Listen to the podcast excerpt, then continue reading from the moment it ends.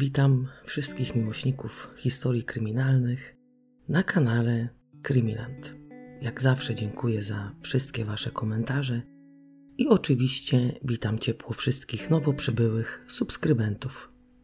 Zapraszam serdecznie na następny odcinek historii kryminalnych z niemieckich landów.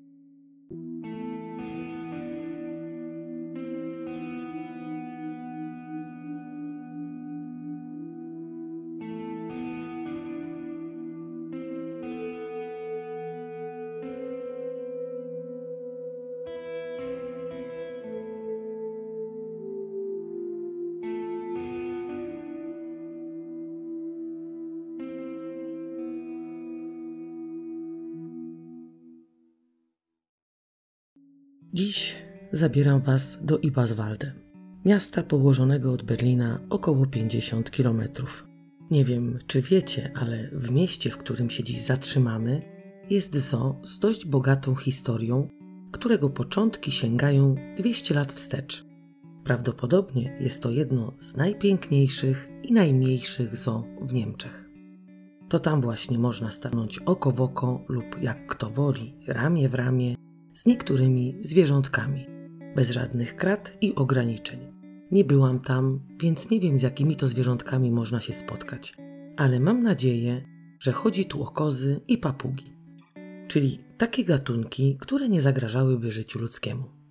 Kiedy w 1945 roku Armia Czerwona zbliżała się do Berlina, niemiecki Schutzstaffel czyli szwadrony SS, a mówiąc jeszcze inaczej oddziały ochronne SS, nie chcąc zostawiać miasta Armii Czerwonej w stanie nienaruszonym, w znacznym stopniu je zniszczyli. Reszty dokonali oczywiście rosyjscy żołnierze. Trwały tam ostre walki i aż do końca lat 90. wciąż można było zobaczyć potężne kratery po kulach na fasadach domów w mieście. Od końca II wojny światowej w tej części Niemiec panował ustrój komunistyczny. Jak wszystkim nam wiadomo, no może nie wszystkim, to w państwach, w których panował ustrój komunistyczny, zdarzały się oczywiście zbrodnie, które nie mogły się wydarzyć. Czyli jeśli zajrzelibyśmy do takich statystyk z tamtych lat, okazałoby się, że tych zbrodni było tyle co nic. Nieraz słyszało się, jak mówiły nasze babcie czy też nasi rodzice, że kiedyś tego nie było aż tyle czyli oczywiście zbrodni. Kiedyś aż tak nie krzywdzono ludzi. Ludność nie miała pojęcia o zaginionych, zamordowanych, molestowanych dzieciach, bo o tym nie głoszono wszem i wobec. Wytyczne niemieckiej policji ludowej mówiły, że należy zachować wysoki poziom czujności politycznej przy wyborze informacji przeznaczonych dla opinii publicznej. Ważne było również to, aby wzmocnić przekonanie ludności że żadne przestępstwo nie pozostanie niewykryte. Jest niedziela 31 maja 1969 roku, końcówka miesiąca, a co za tym idzie, wielkimi krokami nadchodziło lato, co znów zachęcało dzieci do wspólnych wędrówek. Dwóch szkolnych i nierozłącznych przyjaciół, dziewięcioletni Henry Szpeść i ośmioletni Mario Lewis, mieszkający drzwi w drzwi w tym samym bloku w dzielnicy West End, około godziny 14 postanowiło zrobić małą rundkę rowerami. Zawsze, kiedy wybierali się na rowery, przemierzali pobliskie zalesione tereny i zwiedzali dość dobrze znaną im już okolicę. Rodziny Szpeść i Lois znały się od lat. Podobnie do ich dzieci również łączyła ich przyjaźń. Chłopcy zawsze mówili, gdzie jadą, czy też idą, i doskonale wiedzieli, że nie mogą zbyt długo pozostawać poza domem. Jednak tym razem dzieci, jak nigdy, od dobrych paru godzin nie wracały do domu. Matki początkowo myślały, że chłopcy się gdzieś zabawili i stracili rachubę czasu. Jednak z minuty na minutę, z godziny na godzinę zaczynały podejrzewać, że coś się wydarzyło. Ale co? Przecież w okolicy nic nigdy złego się nie wydarzyło. W prasie o niczym nie pisano, obywatele Ibaswalde również o niczym nie wspominali, więc jedyne co się mogło stać, to jakiś wypadek, albo najzwyczajniej w świecie dzieci w lesie po prostu się zgubiły. Rodziny wyruszyły na poszukiwania, jednak nawoływanie chłopców i przeczesywanie okolic nic nie dało. W związku z tym około 22.45 ojciec jednego z nich zgłosił zaginięcie syna i jego przyjaciela miejscowemu urzędowi Policji Ludowej. Oficer dowodzący, przyjmujący zgłoszenie, odnotował zaginięcie chłopców, a następnie wsiadł do radiowozu i przejechał nim leśne ścieżki, myśląc, że może wypatrzy gdzieś Mario i Henry'ego. Następnie przepytano dzieci, czy może chłopcy nie zwierzali się im ze swoich planów. Przepytano również sąsiadów, znajomych i nie przyniosło to żadnych zadowalających rezultatów. Postanowiono zatem poczekać do następnego dnia i wówczas, jeśli chłopcy nie wrócą, bo równie dobrze mogli się gdzieś świetnie bawić, no ale gdyby się tak stało, że nie wróciliby do domów, to następnego dnia planowano zorganizować akcję poszukiwawczą. Po drugie, zaginięcie chłopców uznano za, cytuję, rządzę przygody i chęć przemieszczania się po NRD. Co nie znaczy oczywiście, że zlekceważono poszukiwania. Nie, po prostu uznano, że dzieciaki uciekły. W czasach panowania ustroju komunistycznego tak właśnie postrzegano zaginięcia nie tylko dzieci, ale również innych ludzi. Nastał ranek 1 czerwca 1969 roku. Chłopcy nie wrócili do domu. Wówczas rozpoczęto pierwszą akcję poszukiwawczą w pobliskim lesie graniczącym z dzielnicą Westend. Niestety, pomimo zaangażowania policjantów, sąsiadów i znajomych, nie odnaleziono zaginionych chłopców. W sercach rodziców, mimo to, iż gdzieś tam w głowie mieli najczarniejsze myśli, tliła się nadzieja, że ich synowie zostaną odnalezieni cali i zdrowi. W kolejnych dniach rozszerzono poszukiwania na inne obszary leśne. Zaangażowano wówczas Straż Pożarną, jak i członków grupy bojowej klasy robotniczej, która służyła de facto jako milicja rządzącej socjalistycznej partii jedności Niemiec. Po polsku nazwalibyśmy ich po prostu ORMO. Ta grupa bojowa klasy robotniczej dostarczała akurat komendy poszukiwawcze. Poszukiwania zaangażowali się również żołnierze Armii Czerwonej stacjonującej w Ibaswalde. Żołnierze rosyjscy Prawdę mówiąc, mieli na celu przeciwdziałać plotkom, jakoby to oni mieli cokolwiek wspólnego z zaginięciem chłopców, bo początkowo podejrzewano właśnie ich. Uważano, że to któryś z żołnierzy porwał i skrzywdził dzieci. Do akcji również wkroczyły radzieckie helikoptery. Armii Czerwonej przydzielono większy obszar leśny, znajdujący się za miastem, a Policja Ludowa przeszukiwała sąsiednie tereny leśne. Takie poszukiwania i tak wielkie zaangażowanie w kraju, w którym panował ustrój komunistyczny, nie było codziennością, jak i nie było działaniem, które powtarzało się za każdym razem, kiedy ktoś zaginął. W Ibaswalde wrzało od plotek i emocji, bo w dotychczas spokojnym miasteczku nic podobnego się nie działo. 12 czerwca 1969 roku za namową rodziców zaginionych chłopców zamieszczono w regionalnej gazecie ogłoszenie o poszukiwaniach pod tytułem Kto może udzielić informacji? Wraz z zawiadomieniem w prasie wydrukowano zdjęcia dzieci i wystawiono nagrodę w wysokości 2000 marek. Tego samego dnia zgłosił się na policję Willi Eichstätt, miejscowy myśliwy, i powiedział, że spacerując po lesie 31 maja widział jadących na rowerach mężczyznę i dwóch chłopców. Nie pomyślał nawet przez chwilę, że chłopcom może się coś stać. Uważał, że to rodzinna przejażdżka. Opisał pobieżnie wygląd mężczyzny, ale tak naprawdę nic konkretnego nie mógł powiedzieć na jego temat. Nie wiadomo też było, czy chłopcy, których widział w towarzystwie mężczyzny, to byli właśnie Mario i Henry, ale przyglądając się zdjęciom, uznał, że mogli to być właśnie oni. 13 czerwca tego samego roku jeden z drwali przygotowujących się do rozpoczęcia pracy głęboko w przeczesywanym już wcześniej przez rosyjskich żołnierzy lesie, postanowił jeszcze przynieść wodę ze źródełka. Przeszedł kilkanaście metrów i zauważył dziecięcy rower, pod którym leżały zwłoki zaginionego 31 maja Mario Luisa. Tak szybko jak się dało, zawiadomiono policję, a jeszcze szybciej po miasteczku rozniosła się wieść o znalezieniu zwłok w lesie. Rozpoczęto ponownie intensywne poszukiwania, ponieważ teraz za wszelką cenę chciano znaleźć drugiego chłopca.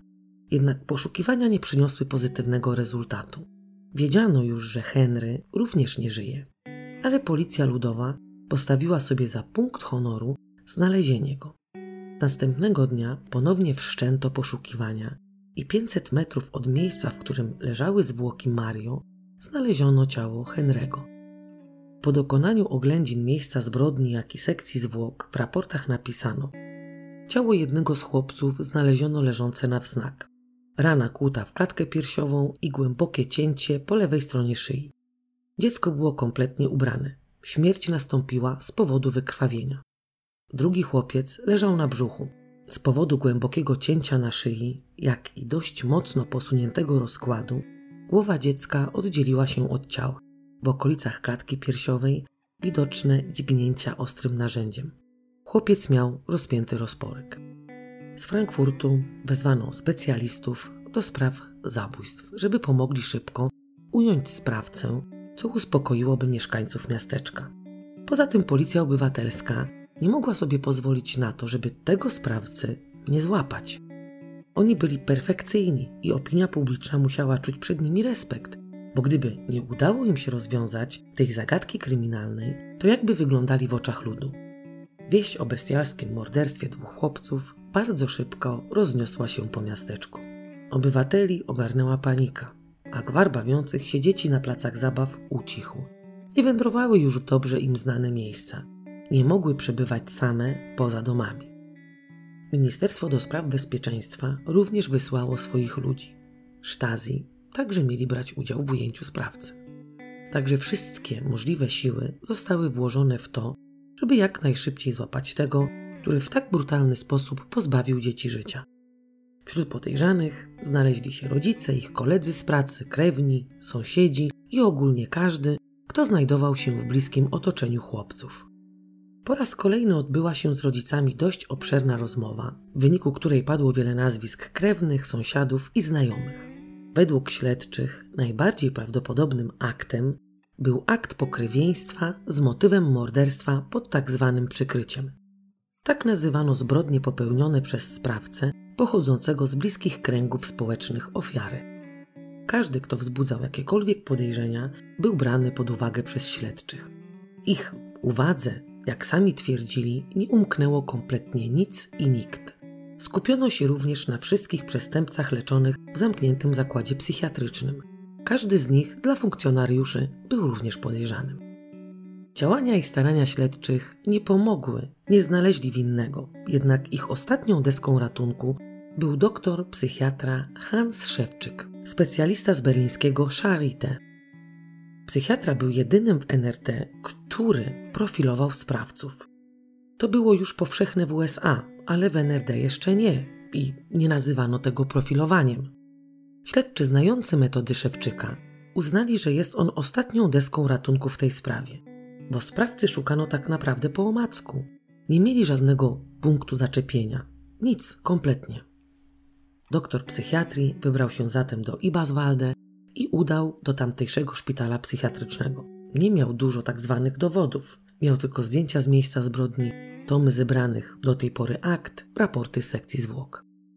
Dzięki swoim koneksjom i pomocy oczywiście Sztazji otrzymał z RFN wszystko na temat sprawcy, który kilka lat wcześniej wstrząsnął mieszkańcami Essen z powodu dokonanych tam zbrodni. Mowa tu oczywiście o Jurgenie Bartszu, o którym opowiadałam Wam w odcinku Chłopiec do bicia.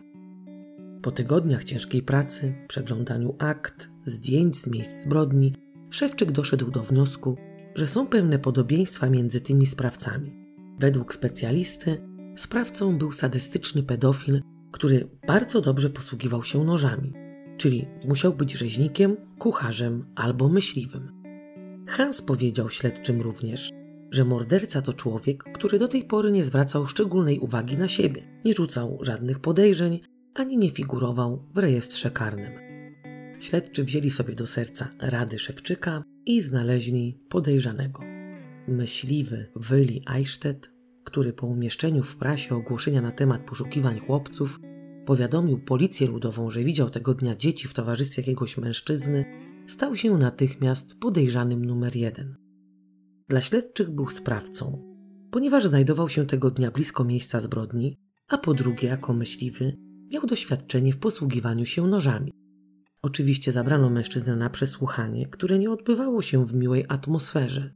No nie muszę wam mówić, jak wówczas przesłuchiwano podejrzanych. i w jaki sposób podchodzono do takich ludzi. Podczas tego przesłuchania obecny był również psychiatra, czyli dr Szewczyk. Straszono Eichstetta, że wsadzą go do wariatkowa, z którego nigdy nie wyjdzie. Prawdę mówiąc, nie mieli nic konkretnego na tego człowieka, ale się uparli. Tak jakby nie było w miasteczku żadnych kucharzy ani rzeźników. No, to, że chciał pomóc i zgłosił policji ludowej to, co widział, obróciło się przeciwko niemu. Sztazi, czyli po polsku SB, skupili się na myśliwym, a kilku z nich zaczęło węszyć w jego życiu prywatnym. Przeprowadzali rozmowy z sąsiadami, kolegami szkolnymi, leśnikami, innymi myśliwymi, rodziną. W końcu wysłali swojego agenta, czyli jednego z oficerów policji ludowej, który wciągnął się w szeregi myśliwych. Wcielił się oczywiście w rolę jednego z nich i miał zebrać jak najwięcej informacji na temat Williego. Podczas wspólnego polowania tajny agent umyślnie ustrzelił dzika. Później oczywiście czekał na Eichstetta, aż ten upolowane zwierzę sadystycznie zarżnie nożem. To byłby wówczas niezbity dowód. Doskonale wiemy, jak działały służby bezpieczeństwa, czyli po niemiecku Stasi. I nawet gdyby mężczyzna szlachtował to zwierzę bez jakiejkolwiek satysfakcji, sadystycznej satysfakcji, to i tak podstawiony myśliwy widziałby to, co chciałby zobaczyć. Po jakimś czasie okazuje się jednak, że Eichstätt nie jest tym poszukiwanym przez Stasi żądnym krwi sadystą. Jednak mimo to, że dla służb bezpieczeństwa było jasne, iż mężczyzna nie jest sprawcą, nic nie stało na przeszkodzie, żeby nadal go obserwować i trzymać pod tak zwaną lupą. Był podejrzanym, nieważne, że już nim nie jest, ale może coś kombinować. Przykładowo, chciałby uciec na zachód, a co za tym idzie, byłby zdrajcą, a zdrajców nie lubiano. Po akcji z Eichstettem nie mieli już tak naprawdę żadnego konkretnego podejrzanego, ani tym bardziej nie trafili na trop sprawcy. W związku z tym po czasie zawieszono śledztwo. Prawdopodobnie policja ludowa nadal pracowała nad tą sprawą, ale brak jakichkolwiek dowodów odbierał im tak zwane uprawnienia do kontynuowania dochodzenia. Doszli do wniosku, że tak czy siak ponownie zostanie zamordowane następne dziecko, czy też dzieci, i wówczas może uda im się trafić na jakiś konkretny ślad. Panika i strach wśród rodziców ucichł. Gwar bawiących się dzieci ponownie dochodził z placów zabaw. Dzieciaki mogły już spokojnie wybierać się na samotne wędrówki po okolicy. Jednak rodzice ostrzegali ich, że jeśli jakiś obcy mężczyzna będzie się kręcił w pobliżu, mają od razu uciekać. Można rzec, że mimo to, iż nie złapano mordercy chłopców, wszystko wróciło do normy. Większość rodziców posiadających dorastające dzieci uznało, że sprawca nie pochodził z miasteczka, że był to jakiś przyjezdny turysta, który już tu nie wróci. Dlatego dzieciaki mogły już same przebywać poza domem. W takiej atmosferze i względnym spokoju minęły dwa lata. 9 października 1971 roku, wieczorem, kiedy to dwunastoletni Ronald Winkla, mieszkający w tej samej dzielnicy co Mario in Henry, nie wrócił do domu, rodzice, poszukując syna, dowiedzieli się od dzieci, że widzieli, jak Ronald był śledzony przez nieznanego mężczyznę. Rodzice natychmiast powiadomili policję ludową, a ta wszczęła od razu poszukiwania.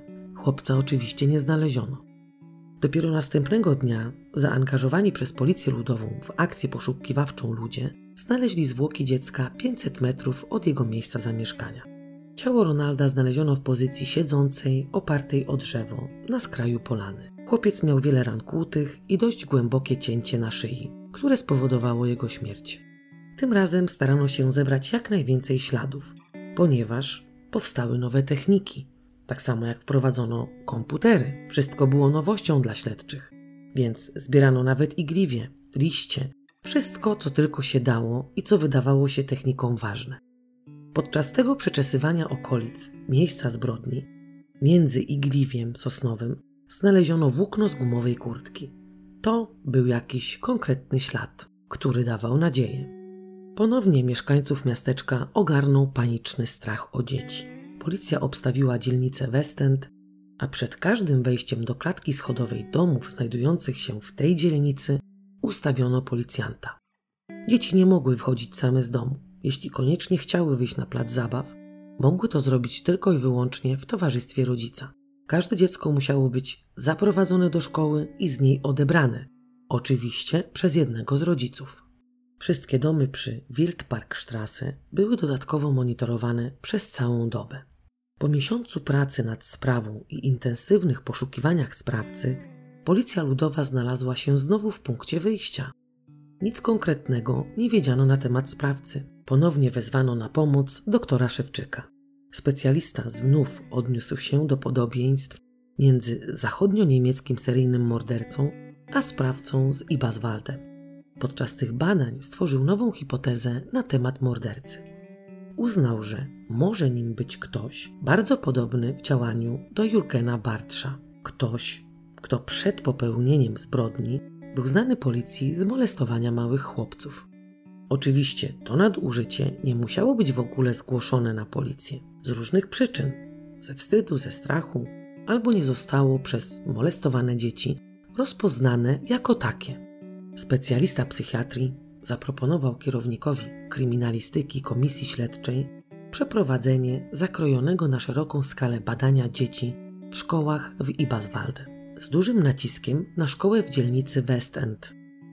Doktor psychiatrii zaangażował personel z berlińskiego Charité, który miał przeprowadzić z dziećmi rozmowy w dość delikatny sposób na temat tego, czy być może były przez kogoś namawiane do wykonywania czynności seksualnych albo molestowane. Wszyscy powinni się spieszyć, ponieważ sprawca może zaatakować ponownie. W całym tym badaniu wzięło udział ponad 12 tysięcy dzieci i nie udało się trafić na nic konkretnego. Żadne z dzieci nie zgłosiło, żeby było kiedykolwiek przez kogokolwiek molestowane. Ale po jakimś czasie, 11 listopada 1971 roku, 12-letni Andreas zgłosił policji, że rok przed pierwszymi morderstwami, czyli w 1968 roku, miał miejsce pewien incydent, który wydarzył się zimą. Pewien mężczyzna zapytał matki, czy może zabrać dziewięcioletniego wówczas chłopca do lasu, żeby tam pojeździć z nim na nartach. Matka oczywiście się zgodziła. Kiedy weszli w głąb lasu, towarzysz dziecka zatrzymał się nagle, następnie uderzył dziewięciolatka pięścią bardzo mocno w głowę. Silne uderzenie sprawiło, że dziecko upadło na plecy. Wówczas mężczyzna wyjął nóż i wbił go obok głowy chłopca. Dziecko było przerażone. Następnie napastnik rozpiął chłopcu spodnie i zaczął go obmacywać w miejsca intymne. Po czasie przestał. Kazał chłopcu się podnieść i iść do domu. W drodze powrotnej nie odstępował go na krok. Szedł za nim i groził mu, że jeśli ten opowie o tym incydencie komukolwiek, to wówczas naprawdę wbije mu nóż w głowę. Śledczy odzyskali nadzieję, że w końcu ujmą sprawcę. Zapytali chłopca, czy byłby w stanie rozpoznać tego mężczyznę. Dziecko powiedziało, że często widywał go na ulicy, że wie jak on wygląda, a nawet wie gdzie on mieszka, ale nie wie niestety jak się nazywa. Pokazano wówczas chłopcu zdjęcia paszportowe mieszkańców budynku, który wskazał. I wśród tych zdjęć dziecko rozpoznało pedofila. 12 listopada 1971 roku do drzwi państwa Hagedon zapukali śledczy i aresztowali ich 19-letniego syna. Erwin Hagedon urodził się 30 stycznia 1952 roku w Ibaswalde. Był jedynakiem. We wczesnych latach dorastania, jak każde dziecko, całkiem normalnie się rozwijał. Kiedy zaczął uczęszczać do szkoły, zaczął również okazywać niezdyscyplinowanie, chamstwo, bunt i irytację. Rodzice wychowywali syna z surowością, nieustępliwością oraz nie potrafili zająć się strefą emocjonalną swojego dziecka. Erwin nie potrafił znaleźć przyjaciół, nie umiał jakoś nawiązać zdrowych relacji z rówieśnikami. Był przez szkolnych kolegów bity, szykanowany i wyśmiewany. Koledzy i koleżanki ze szkoły nadali mu przezwisko Amanda, co nawiązywało do ślepej kury. Nie mam pojęcia, czy może kojarzyło się to im z jakąś bajką, ale było to dość bolesne i takie, jakby to powiedzieć, upakarzające przezwisko. Z tego powodu, że nie potrafił nawiązać kontaktu z rówieśnikami, zaczął trzymać z młodszymi dziećmi. W takiej atmosferze skończył szkołę podstawową. Poszedł do zawodówki i rozpoczął praktyki zawodowe jako kucharz w restauracji Mitropa, mieszczącej się na dworcu w Ibaswalde. Pierwotnie Mitropa to była taka jakby sieć wagonów restauracyjnych. coś w stylu polskich warsów.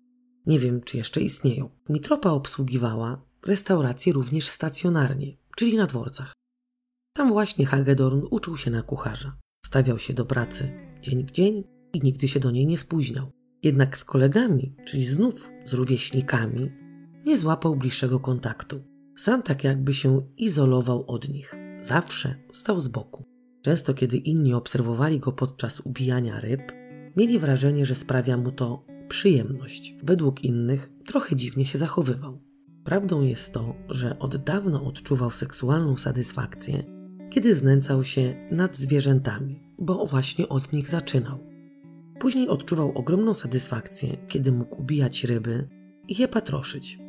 Wszyscy, którzy wraz z nim pracowali w Mitropa, mówili, że kiedy przychodziła dostawa ryb, Hagedorn był strasznie podekscytowany. Nie ogłuszał ryb, tak jak powinno się to robić, tylko najpierw je dźgał albo od razu patroszył na tak zwanego żywca. Kiedy zdarzało się tak, że krew skarpia rozbryzła się na jego fartuch, bardzo mu się to podobało. Podobnie było, kiedy przychodziła dostawa z mięsem. Też bawił się dźgając mięso czy też nogi wieprzowe. I oczywiście według obserwujących go sprawiało mu to wielką przyjemność. Nikt jednak z obserwujących go ludzi, patrząc na te jego zachowania, nikt nie podejrzewał, że mają przed sobą przyszłego mordercę, że to jego dziwne podekscytowanie może cokolwiek znaczyć. Hagedorn upodobał sobie chłopców, ponieważ ci mu się szczególnie podobali. Miał swój typ, nie mogli być za chudzi, za grubi, musieli mieć dziecięce rysy twarzy, dziecięce głosy i musieli być cali dziecięcy. Przed popełnieniem morderstw w 1969 roku miał kilka nieudanych podejść do tego, żeby ziścić swoje sadystyczne marzenia. Raz przeszkodzili mu ludzie, innym razem nadchodziła burza i pokrzyżowała mu plany, a jeszcze innym razem dziecko, które wyprowadził do lasu, powiedziało mu, że jego kolega, który ich widział, wie kim jest Hagedorn Nadszedł 31 maj 1969 roku. Erwin często wybierał się na samotne, długie przejażdżki rowerowe. Tego dnia, tak jak zawsze, wziął rower z piwnicy i wybrał się do sąsiadującego z osiedlem, w którym mieszkał, lasu. W okolicach pozostałości po francuskim bunkrze, choć tak naprawdę faktycznie nie były to ruiny bunkra, tym bardziej francuskiego, były to pozostałości po obozie, a to co dzieci nazywały francuskim bunkrem, było wejściem do jednej z piwnic.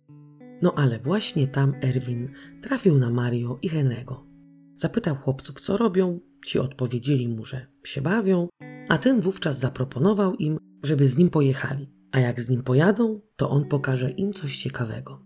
Odjechali dość daleko w głąb lasu. Zatrzymali się, usiedli na trawę. Siedemnastoletni wówczas sprawca wyciągnął swój scyzoryk i podczas zabawy, niby nieumyślnie, ranił dość mocno jednego z chłopców. Erwin zawsze marzył o tym, żeby być aktorem, więc przed drugim z chłopców odegrał rolę, że strasznie się tym zranieniem przejął i powiedział stojącemu obok przerażonemu chłopcu, żeby szybko udali się po pomoc. W taki sposób Erwin odciągnął chłopca od kolegi. Nie po przejściu 500 metrów dźgnął chłopca kilkakrotnie nożem i poderżnął mu gardło. Potem wrócił do pierwszego i dokończył to, co zamierzał. Zeznając, dodał, że kiedy w końcu ich zabił, spojrzał na zegarek i była wówczas godzina 17.57. Wsiadł na rower i wrócił do domu. Prawdę mówiąc, po dokonaniu tych zbrodni był bardzo pewny siebie, że policja go nie złapie. Pracując na kuchni w Mintropa, koledzy i koleżanki ciągle rozmawiali o tym, co wydarzyło się w mieście. Często Erwin sam rozpoczynał ten temat. Z jednej strony chciał sprawdzić, czy ktokolwiek go podejrzewa, a z drugiej strony chciał również ewentualne podejrzenia od siebie oddalić. Raz nawet rozmawiając z jedną z koleżanek obsługujących bufet, powiedział, że gdyby dorwał w swoje ręce sprawcę, to zaciągnąłby go na rynek, czyli do centrum, oblał benzyną, podpalił i patrzył, jak ten w mękach umiera.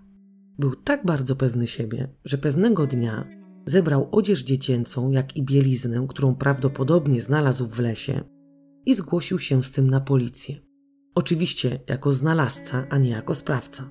Nie aresztowano go, ponieważ był poza kręgiem podejrzanych.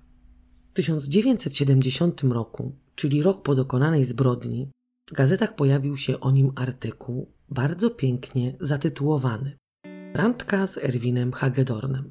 Ja wam tutaj zacytuję część tego artykułu. Oto Erwin Hagedorn, współczesny młody człowiek, młody socjalista, który swoją pracowitością i ambicjami twórczymi pomaga innym dostosować swój sposób myślenia i działania, którego dziś tak bardzo potrzebujemy.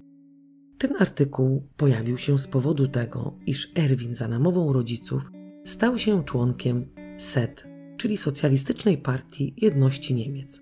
Decyzja przyjęcia go w szeregi SED zawierała notatkę. Ma zaledwie 18 lat i jasny obraz przyszłości. W artykule nie omieszkano wspomnieć o tym, że bohater jest członkiem partii, a jego rodzice udzielili mu tak ważną pomoc w podjęciu decyzji, czy ma on w ogóle zostać kandydatem SET. Z wypowiedzi Anne-Marie Kagedorn, matki Erwina, można wywnioskować, że bardzo ważna była dla niej i jej męża praca w organizacjach państwowych. W dniu, kiedy miało miejsce ostatnie morderstwo, matka, jako aktywistka, tego dnia wraz z mężem była na uroczystości, która zakończyła się o pierwszej w nocy. Po dokonaniu ostatniego morderstwa na uroczystości pojawił się jak gdyby nigdy nic Erwin i świętował wraz z rodzicami. No ale na tym jednym artykule się nie skończyło. Prasa pisała o tym, że Erwin gra z powodzeniem w amatorskim teatrze, który został stworzony specjalnie dla pracowników kolei niemieckich. Oczywiście dla bohatera tych artykułów było to coś wielkiego. Był w centrum zainteresowania. Obywatele go podziwiali, zachwycali się nim, a on czuł się wyjątkowym człowiekiem, czyli tak jak zawsze zresztą. Jego rodzicom ciągle było mało. Ciągle stawiali mu coraz wyżej poprzeczkę, nie poświęcając mu zbytnio czasu. Był praktycznie cały czas sam. Matka ciągle kładła nacisk na to, żeby nie mówił językiem rynsztoku. Miał się wysławiać ładnie i odpowiednio dobierać słowa. Temu, że miał bogaty zasób słownictwa, nie można było zaprzeczyć. Kiedy panika w miasteczku opadła, kiedy policja ludowa już tak nie węszyła, Hagedorn postanowił ponownie spełnić swoje fantazje sadystyczno-seksualne. Przechadzając się wokół bloków sąsiadujących z terenem leśnym, zauważył za garażami bawiącego się chłopca, czyli Ronalda Winkla. Kiedy chłopiec zorientował się, że jest obserwowany, uciekł na swoje nieszczęście w stronę lasu, a Erwin podążył natychmiast za nim. Po przebiegnięciu 500 metrów złapał chłopca i dał upust swoim sadystycznym fantazjom. Dźgał go tak mocno, że aż złamał ostrze noża, które później, po zbrodni, dość długo szukał w ściółce leśnej. Wrócił do domu, rozpalił w piecu i spalił swoją tak zwaną gumową kurtkę. Po czym udał się, jak gdyby nigdy nic, na przyjęcie, o którym już wspomniałam wyżej. Erwin początkowo podczas zeznań mówił, że Ronald został tylko lekko zraniony nożem, że on go nie zabił, nie miał takiego zamiaru, ale z czasem przyznał się w końcu do popełnienia zbrodni i chętnie opisał cały ich przebieg. Kiedy pokrzywano w przyszłości Hagedorna, okazało się, że miał on już styczność z policją, ale że zdarzenia miały miejsce, kiedy był nastolatkiem, wpisano go na tak zwaną kartę dziecka, a co za tym idzie, nie notowano go jak przestępcę. Dlatego śledczy nie mogli na niego trafić podczas przeszukiwań akt związanych z przestępcami seksualnymi. Po tym, jak wyszło na jaw, że to właśnie Hagedorn jest sprawcą, ludzie zgłaszali się na policję, mówiąc, że ich dziecko było również molestowane przez oskarżonego. W wielu przypadkach te zgłoszenia były fikcyjne, ponieważ ludzie koniecznie chcieli dowiedzieć się jak najwięcej na temat sprawy. I właśnie dlatego zgłaszali się na policję wraz ze swoimi pociechami, mając nadzieję, że podczas tych przesłuchań i zeznań czegoś więcej dowiedzą się na temat sprawcy i całej tej sprawy. Hagedorn po raz pierwszy został zgłoszony na policję w 1965 roku. Para małżeńska Gizyke zgłosiła policji ludowej, że ich córka Anke około godziny 15.30 została siłą zatrzymana i tak jakby uprowadzona do jednej z altan znajdujących się na ogródkach działkowych Cór Zone. Uprowadzenia miało dokonać dwóch nieznanych chłopców. Wraz z Ankę były tam jeszcze dwie dziewczynki. Jednak te, kiedy uznały, że sytuacja wydaje się groźna, postanowiły się oddalić. Zniewolona już wówczas dziewczynka poprosiła koleżanki, żeby te zawiadomiły jej matkę i powiedziały, co chłopcy z nią robią. Jednak ratunek nie nadszedł. Kiedy dziewczynka wróciła do domu, jej ojciec strasznie ją pobił, ponieważ wahała się, czy udzielić mu informacji, gdzie była i dokąd poszła. Kiedy została sama z matką, opowiedziała jej wszystko o zdarzeniu, jakie miało miejsce, i wówczas państwo Gizike zgłosili ten incydent na policję, mówiąc, że ich córka Ankę była skuta kajdankami i miała zasłonięte oczy opaską. Rodzice powiedzieli również, że w altanie dziewczynka została rozebrana, a sprawcami byli dwaj chłopcy w wieku od 12 do 14 lat. Wszczęto dochodzenie i okazało się, że towarzysz Hagedorn miał tam swój ogródek. Chodzi tu oczywiście o głowę rodziny. Następnie Erwin i jego kolega z klasy zostali zidentyfikowani jako ci, którzy uprowadzili Ankę. Obaj przyznali się do przestępstwa i opowiadając przebieg tego zdarzenia, zeznali, że postanowili wspólnie podejść do trzech dziewczynek, między którymi była Ankę, i zabrać je do altany, która wówczas była nazywana przez Hagedorna kącikiem tortur. Jeśli podczas tych czynności któraś z dziewczynek zaczęłaby krzyczeć, mieli jej włożyć w usta knebel i tym samym ją uciszyć. Później mieli zdjąć jej majtki. Na pytanie, dlaczego chcieli zdjąć te majtki, zeznali wspólnie, że chcieli się przyjrzeć genitaliom żeńskim. Okazało się, że inicjatorem całej tej akcji był Erwin Hagedorn. Dodatkowo w trakcie prowadzonego śledztwa wyszło na jaw, że w 1964 roku oskarżony próbował w taki sam sposób uprowadzić trzyletnią dziewczynkę, ale został tak jakby przyłapany przez matkę dziecka i na szczęście nie udało mu się wówczas zrealizować swoich planów. No ale wracając do incydentu z Ankę, chłopcy zrobili to prawdopodobnie z czystej ciekawości, bo chcieli zobaczyć, jak jest tam na dole zbudowana dziewczynka. Początkowo Krama, czyli kolega Hagedorna, nie chciał brać w tym udziału, ale w końcu się zgodził. Inicjator całej akcji przekonał kolegę, że to on musi być tym, który zwabi dziewczynki do altany. On sam nie mógł tego zrobić, ponieważ dziewczynki go znały i z pewnością nie poszłyby z nim. Poinstruował kolegę, że ma podejść do nich i poprosić je o pomoc.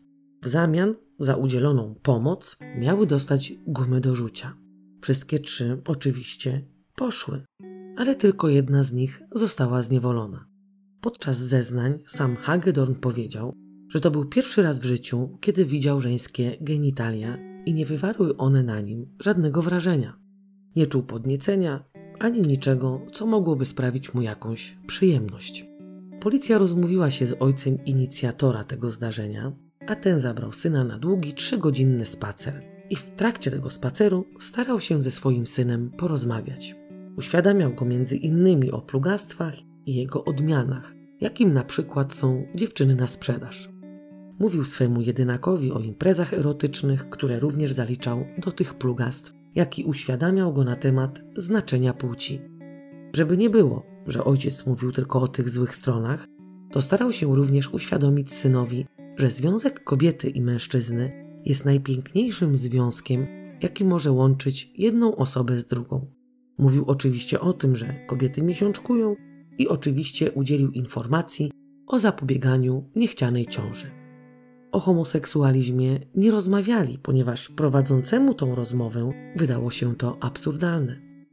Oczywiście po tym aresztowaniu nastolatków z powodu uprowadzenia koleżanki, przedstawiciele organów ścigania poprosili rodziców młodych delikwentów o dostarczenie pisemnych informacji na temat różnych aspektów życia z synem, w tym również o seksualności.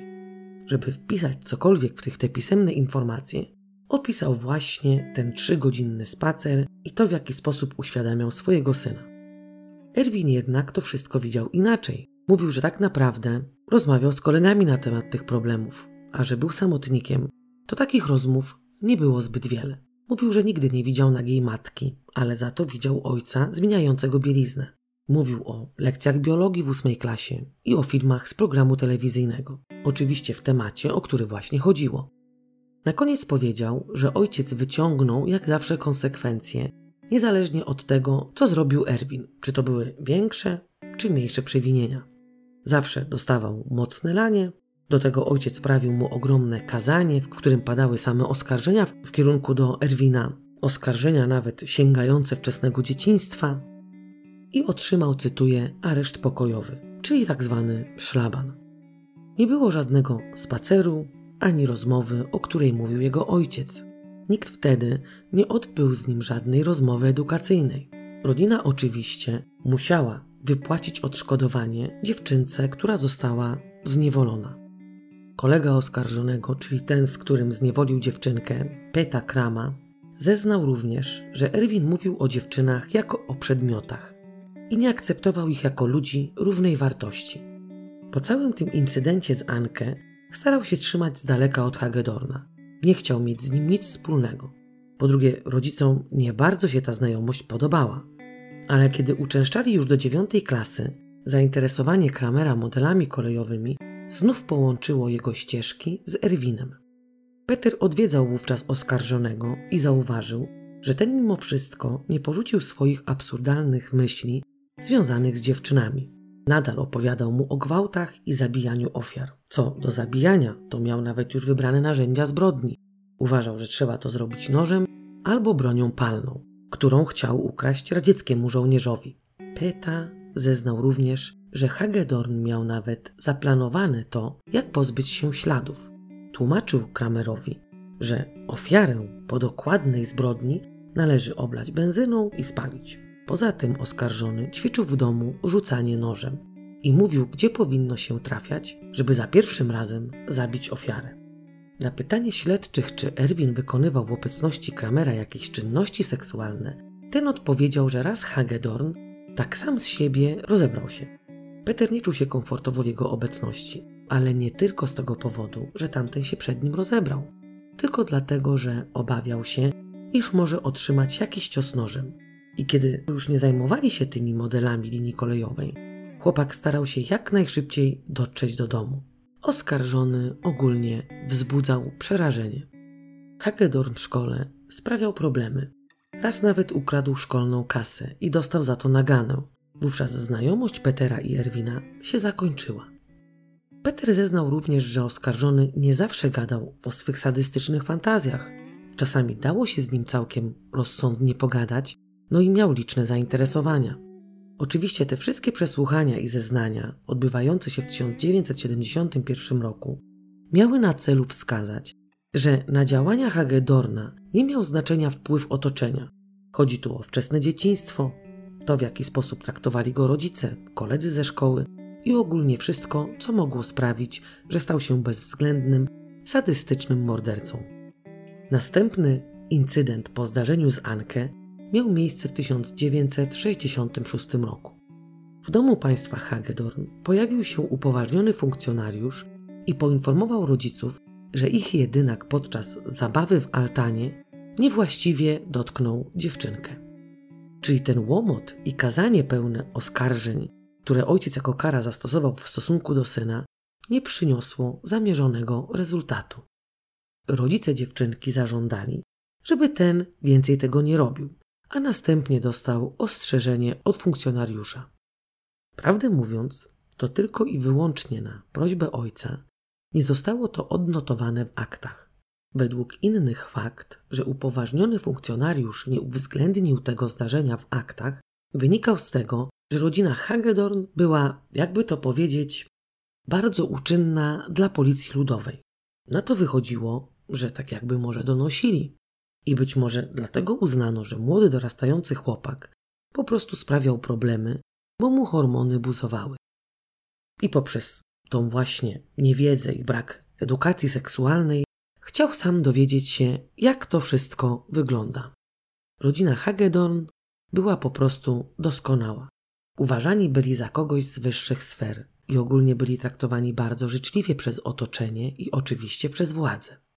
Sam Erwin był zrzeszony w wielu młodzieżowych organizacjach, czyli nie przesiadywał w domu w zamknięciu. Jakiś tam kontakt z tymi rówieśnikami jednak miał, ale mimo to nie potrafił nawiązać bliższych relacji. Na te wszystkie incydenty, czyli molestowanie dzieci przez Hagedorna ze strony rodziców, nie pojawiła się odpowiednia reakcja. Bicie, kazania i szlabany nic nie pomogły, bo w maju 1969 roku doszło do morderstw. Natomiast latem 1969 roku, czyli praktycznie zaraz po zbrodni, zwabił na działkę dwie nastoletnie dziewczynki, Erikę Schulz i Urzulę Anka. Oczywiście pretekstem była pomoc pracy w ogrodzie. Podczas tej pracy w pewnym momencie Hagedorn zaproponował dziewczynkom, że ich zwiąże, a one będą próbowały się rozwiązać. To miała być taka zabawa. Erika nie podejrzewała niczego złego. Była tak zwaną chłopczycą i takie uwolnienie się z więzów nie powinno jej sprawić żadnych problemów. Dziewczynka po prostu wzięła to za zabawę. Obie zamknął w oddzielnych pomieszczeniach w altanie, czyli tym swoim kąciku tortur, a następnie obie związał. Niestety nie było to związanie tylko nadgarstków, z czego dziewczynki miały się uwolnić. Związał im nogi w kostkach, w kolanach, w udach, następnie nadgarstki i ramiona. Później włożył Erice szmatę do ust jako knebel. Dziewczynka uwolniła się z tego knebla i krzyknęła wówczas, żeby ten ją puścił. Według jej zeznań nic złego jej wtedy nie zrobił. Rozwiązał dziewczynki i kazał im iść. Ale dodał na odchodne, że jeśli powiedzą rodzicom, co się wydarzyło, to nie będzie z nimi dobrze, że wówczas skutecznie je skrzywdzi. Mimo tego zdarzenia, dziewczynka, ufając siedemnastolatkowi, pojechała z nim tego samego lata ponownie na działkę. Podczas tego pobytu na działce Erwin nagle wypalił, że pokaże Erice, jak zdejmie jej sweter, mimo to, iż ona będzie skuta kajdankami. To miała być taka czarodziejska sztuczka. Ciekawość wygrała. Po drugie, dziewczynka nie wyczuwała niebezpieczeństwa, ponieważ za pierwszym razem nic przecież złego się nie wydarzyło. Erika zgodziła się na zademonstrowanie na niej tej magicznej sztuczki i pozwoliła ponownie się skuć. Hagedorn zdjął jej sweter i następnie zabrał się za zdejmowanie spódnicy. Oczywiście sam przy niej się rozebrał. Dziewczynka była strasznie przerażona, krzyczała i płakała. Ten wówczas ją puścił. Tym razem przeżyła to tak bardzo, że miała poważne zaburzenia snu. Rodzice nie mogli się z nią porozumieć. Budziła się z potwornym krzykiem, aż w końcu powiedziała im, co się wydarzyło. Wówczas matka dziewczynki wysłała ojca do rodziny Hagedon i nakazała mu rozmówić się z Erwinem w obecności rodziców. Po jakimś czasie ojciec wrócił i powiedział, że ojciec chłopaka obiecał, że to się więcej nie powtórzy. Matce pokrzywdzonej dziewczynki to nie wystarczyło i udała się osobiście do mieszkania Hagedornów. Rozmówiła się z Erwinem w obecności rodziców. Ten oczywiście się uniósł i zaprzeczał temu, żeby cokolwiek takiego, że on niby się rozbierał przy tej dziewczynce, miało miejsce. Później jednak się uspokoił i przyznał kobiecie rację. Ta uświadomiła wówczas siedemnastolatka, że jego działania wyrządzają ogromną krzywdę dziecku w wieku jej córki, że może to pozostawić trwały ślad na jej młodej psychice i w dalszych latach mieć wpływ na jej kontakty z chłopcami.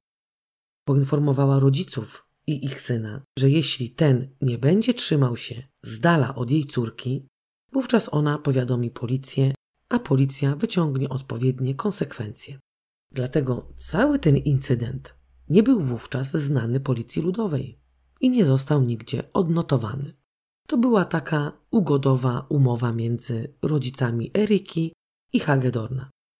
Z relacji matki dwunastolatki wynikało, iż zachowanie rodziców Erwina było dziwne. Nie reagowali na stawiane zarzuty ich synowi oraz ich w ogóle nie komentowali. Nigdy później nie zainteresowali się córką pani Schulz ani nie odnieśli się do zdarzenia, jakie miało miejsce. Pozostawali uprzejmi i przyjaźni. Na reakcję rodziców i, i uświadamianie Erwina tak czy siak było już za późno, ponieważ był już po dokonaniu pierwszych morderstw. Ogólnie Anne-Marie Hagedorn zależało na tym, żeby jej syn był zawsze uprzejmy i pomocny. I dzięki temu, że był uprzejmy i pomocny i bawił się z młodszymi dziećmi, zdobył zaufanie ich rodziców, czyli tych dzieci, z którymi się bawił. I często sami prosili go o opiekę nad ich pociechami. Ogólnie z tego wszystkiego wynikało, iż wielu rodziców wiedziało o poczynaniach Erwina z ich dziećmi, bo na tych przypadkach, o których Wam tutaj wspomniałam, się oczywiście nie skończyło. Hagedorn molestował przed i po wiele dzieci. Groził im i stosował przemoc. Ale co jest w tym najdziwniejsze? Większość z tych rodziców nie poinformowało o zdarzeniach rodziców Erwina, dalej się im uprzejmie kłaniało, a nawet jeden z rodziców chłopca, którego Erwin również molestował, uznał, że wszystko, co chłopak robił w stosunku do dzieci, nie było przecież niczym złośliwym. W związku z tym nie widział w tym nic złego. Tak, dobrze słyszycie, nie widział w tym nic złego i nadal uważał Erwina za przemiłego i uczynnego chłopaka. Straszne po prostu. Wychodzi na to, że taki ojczulek powierzyłby swoje pociechy Hagedornowi z przekonaniem, że nic przecież złego się nie stało. Sprawa Erwina Hagedorna była porównywana ze sprawą Jurgena Bartsza. Śledczy, jak i lekarze psychiatrii chcieli koniecznie wiedzieć, jak to się wszystko odbywa ze stroną emocjonalną Erwina. W przypadku Bartsza ten strasznie żałował swoich czynów. Ubolewał nad cierpieniem swoich ofiar, jak i ich rodzin. Interesował się rodzicami chłopców, których pozbawił życia. Jednym z nich nawet wysłał pieniądze, bo była to biedna rodzina. Za każdym czynem, jaki popełnił, stała szczera skrucha i żar. Ci, którzy słuchali na tym kanale chłopca do bicia, wiedzą, że do tego, co się później wydarzyło, przyczynił się sposób, w jaki wychowywano Jurgena. W przypadku Hagedorna rodzina, pomimo jakichś tam deficytów emocjonalnych, nie stosowała aż tak drastycznych praktyk, mających wychować syna. W tamtych czasach lało się dzieciaki za to, co zrobiły źle, i w oczach obywateli czy też policji kara cielesna wymierzona przez rodzica nie była zbrodnią. Faktem jest, że Hagedor nienawidził kobiet i wręcz się nimi brzydził. Do sąsiadów miał więcej uprzejmości niż do sąsiadek. Dla nich zawsze był chamski i odpryskliwy. Więc myślę, że tutaj po prostu coś nie grało z jego matką. Funkcjonariusze Policji Ludowej nagrali film dydaktyczny, którym główną rolę grał sam Hagedorn. Film miał na celu pomóc tym policjantom, którzy chcieli zostać śledczymi. To miał być po prostu taki film tylko i wyłącznie stosowany w kręgach policyjnych. Jak już wspomniałam, Erwin zagrał główną rolę, a rolę ofiar zagrały dzieci śledczych. Śledczy oczywiście podczas nagrywania tego filmu stali z przygotowaną, naładowaną bronią, w razie gdyby Erwin Hagedorn chciał wyrządzić krzywdę jednemu z dzieci. Gdzieś tam czytałam opinię, już teraz nie pamiętam w jakim artykule, że jeden z tych śledczych, tak jakby sam siebie zapytał, rozmawiając z redaktorem, czy dobrze wtedy postąpili. Doktor psychiatrii Hans Szewczyk przeprowadził obserwacje, jak i odbył długie rozmowy, które miały pomóc wymiarowi sprawiedliwości wydać sprawiedliwy wyrok. Po dokonanych badaniach specjalista wystawił opinię, w której napisał, że sprawca jest sadystycznym, bezwzględnym, homoseksualnym pedofilem, który zaplanował swoje zbrodnie i nie popełnił ich w afekcie. Opinia nie tylko biegłych, ale również funkcjonariuszy Policji Ludowej, nagrywających film edukacyjny, była taka, że nawet podczas nagrywania tego filmu Hagedorn nie, nie wykazywał żadnych emocji, żadnej skruchy. Ani razu nie złamał mu się głos, nie żałował tego, co zrobił. Był całkowicie wyzuty z wszelkich uczuć. No oczywiście każdy może powiedzieć, że funkcjonariusze widzieli to, co chcieli zobaczyć, ale ten brak skruchy, ten brak takiego chociażby jakiegoś pojęcia, że zrobił coś potwornego, strasznego, coś, co nie powinno się wydarzyć, był również widoczny podczas przesłuchań i na sali rozpraw. Hagedorn chętnie współpracował z funkcjonariuszami i chętnie opisywał to, jak planował zbrodnie, jak do nich doszło, co zrobił i oczywiście to samo powtarzał przed sądem nie wykazując przy tym żadnej skruchy. 9 maja rozpoczął się we Frankfurcie nad Odrą proces Erwina Hagedorna. Rodzicom zamordowanych dzieci odradzono branie udziału w rozprawie, która oczywiście odbywała się pod czujnym okiem kamer. A dla Erwina Hagedorna, który marzył o karierze filmowej, był to jego ostatni ważny występ. Obrona wniosła o dożywocie, a prokurator z Berlina wniósł o karę śmierci. Oskarżony na rozprawie opisywał, jak doszło do morderstw, jak je planował i jak wyłapywał swoje ofiary. Mówił to oczywiście, tak jak już wcześniej wspomniałam, bez takich emocji, które wskazywałyby na to, że jednak czuje jakąś skruchę. Mogłoby się mieć wrażenie, że ciągłe to opowiadanie o tym, co zrobił, jak przebiegały zbrodnie, jak się do nich przygotowywał, To wszystko tak jakby sprawiało mu wręcz przyjemność. Lubił o tym mówić i często to powtarzał. On chyba nawet nie przeprosił rodziców tych dzieci, że wyrządził im tak ogromną krzywdę. Tak się zapędził w tych swoich zeznaniach, w tym opowiadaniu o sadystycznych marzeniach, że aż sam adwokat przerwał mu te jego wywody. Hagedorn, mimo tego, co się wydarzyło, mimo tego, co zrobił, nadal miał ogromne przekonanie o swej wyjątkowości. 15 maja 1972 roku w imieniu ludu za dokonane zbrodnie i liczne przypadki molestowania dzieci Erwin Hagedorn został skazany na karę śmierci. Oczywiście natychmiast adwokat złożył o rewizję procesu. Sam oskarżony prosił o umieszczenie go w szpitalu psychiatrycznym i podjęcie leczenia. Proces odbył się w Berlinie. Tam utrzymano wyrok kary śmierci w mocy. Rodzice Erwina mieli jeszcze cichą nadzieję, że ich jednak uniknie kary śmierci. Postanowili swe błagania o litość dla ich syna skierować do aktualnego szefa partii SET. Według nich tylko on mógł uratować życie Erwinowi. Szef SET otrzymał akta i film dydaktyczny, który został nakręcony przez śledczych i w którym Erwin Hagedorn grał główną rolę. Film przeraża polityka do tego stopnia, że odrzuca prośbę o litość. Po jakimś czasie przeniesiono skazanego do więzienia w Lipsku. Prawdopodobnie Erwin wówczas nie zdawał sobie sprawy z tego, gdzie się znalazł. Było to więzienie, gdzie właśnie miał zostać wykonany wyrok kary śmierci. 15 września 1972 roku wprowadzono 20-letniego wówczas Hagedorna do jednej z sal znajdujących się w budynku zakładu karnego w Lipsku i tam poinformowano go, że jego prośba o ułaskawienie została odrzucona i uświadomiono go, że wyrok się właśnie dokona, a sam oskarżony ma możliwość napisać list pożegnalny. W tym momencie zaczęto odczytywać akt oskarżenia. Erwin Hagedorn nawet nie zdawał sobie sprawy z tego, że za jego plecami, po cichu, zbliżał się do niego kat z wycelowanym w tył jego głowy pistoletem, który po kilku sekundach niespodziewanie strzelił w tył głowy Erwina Hagedorna. Po wykonaniu wyroku ciało skazańca zostało poddane kremacji i anonimowo pochowane. Kara śmierci wykonana na Erwinie Hagedornie uważana jest za ostatnią cywilną egzekucję wykonaną w NRD. Jednak tak naprawdę ostatnią osobą w Niemczech i historii NRD, na której wykonano wyrok kary śmierci, był kapitan Stasi Werner Teske. Skazano go za planowanie zdrad, czyli za chęć ucieczki na zachód. Dziś wielu specjalistów, którzy mogą coś więcej powiedzieć na temat prawa, psychiatrii i wszystkim, co jest z tym związane, uważa, że wyrok przeciwko Hagedornowi, jaki zapadł 15 maja, nie był sprawiedliwy. W momencie, kiedy popełnił pierwsze zbrodnie, miał zaledwie 17 lat i według prawa, jakie panowało wówczas w NRD, nie powinien był być w ogóle skazany na śmierć, a jednak mimo wszystko go stracono. No i doszliśmy do końca tej historii. Jestem ciekawa, co wy myślicie o tej sprawie. Czy według was Erwin Hagedorn słusznie został skazany na śmierć?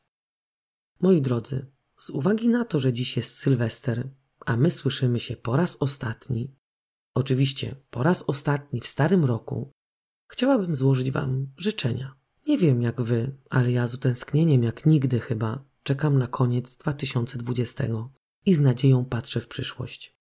Moi drodzy, pożegnajcie się dziś ze starym, ze wszystkim starym, co nie daje wam radości, nie pozwala być szczęśliwym. Zapomnijcie o starych sporach i wyruszcie odważnie, z poczuciem szczęścia, podniesionymi głowami i sercami przepełnionymi nadzieją oraz wiarą w lepszą przyszłość w nowy 2021 rok.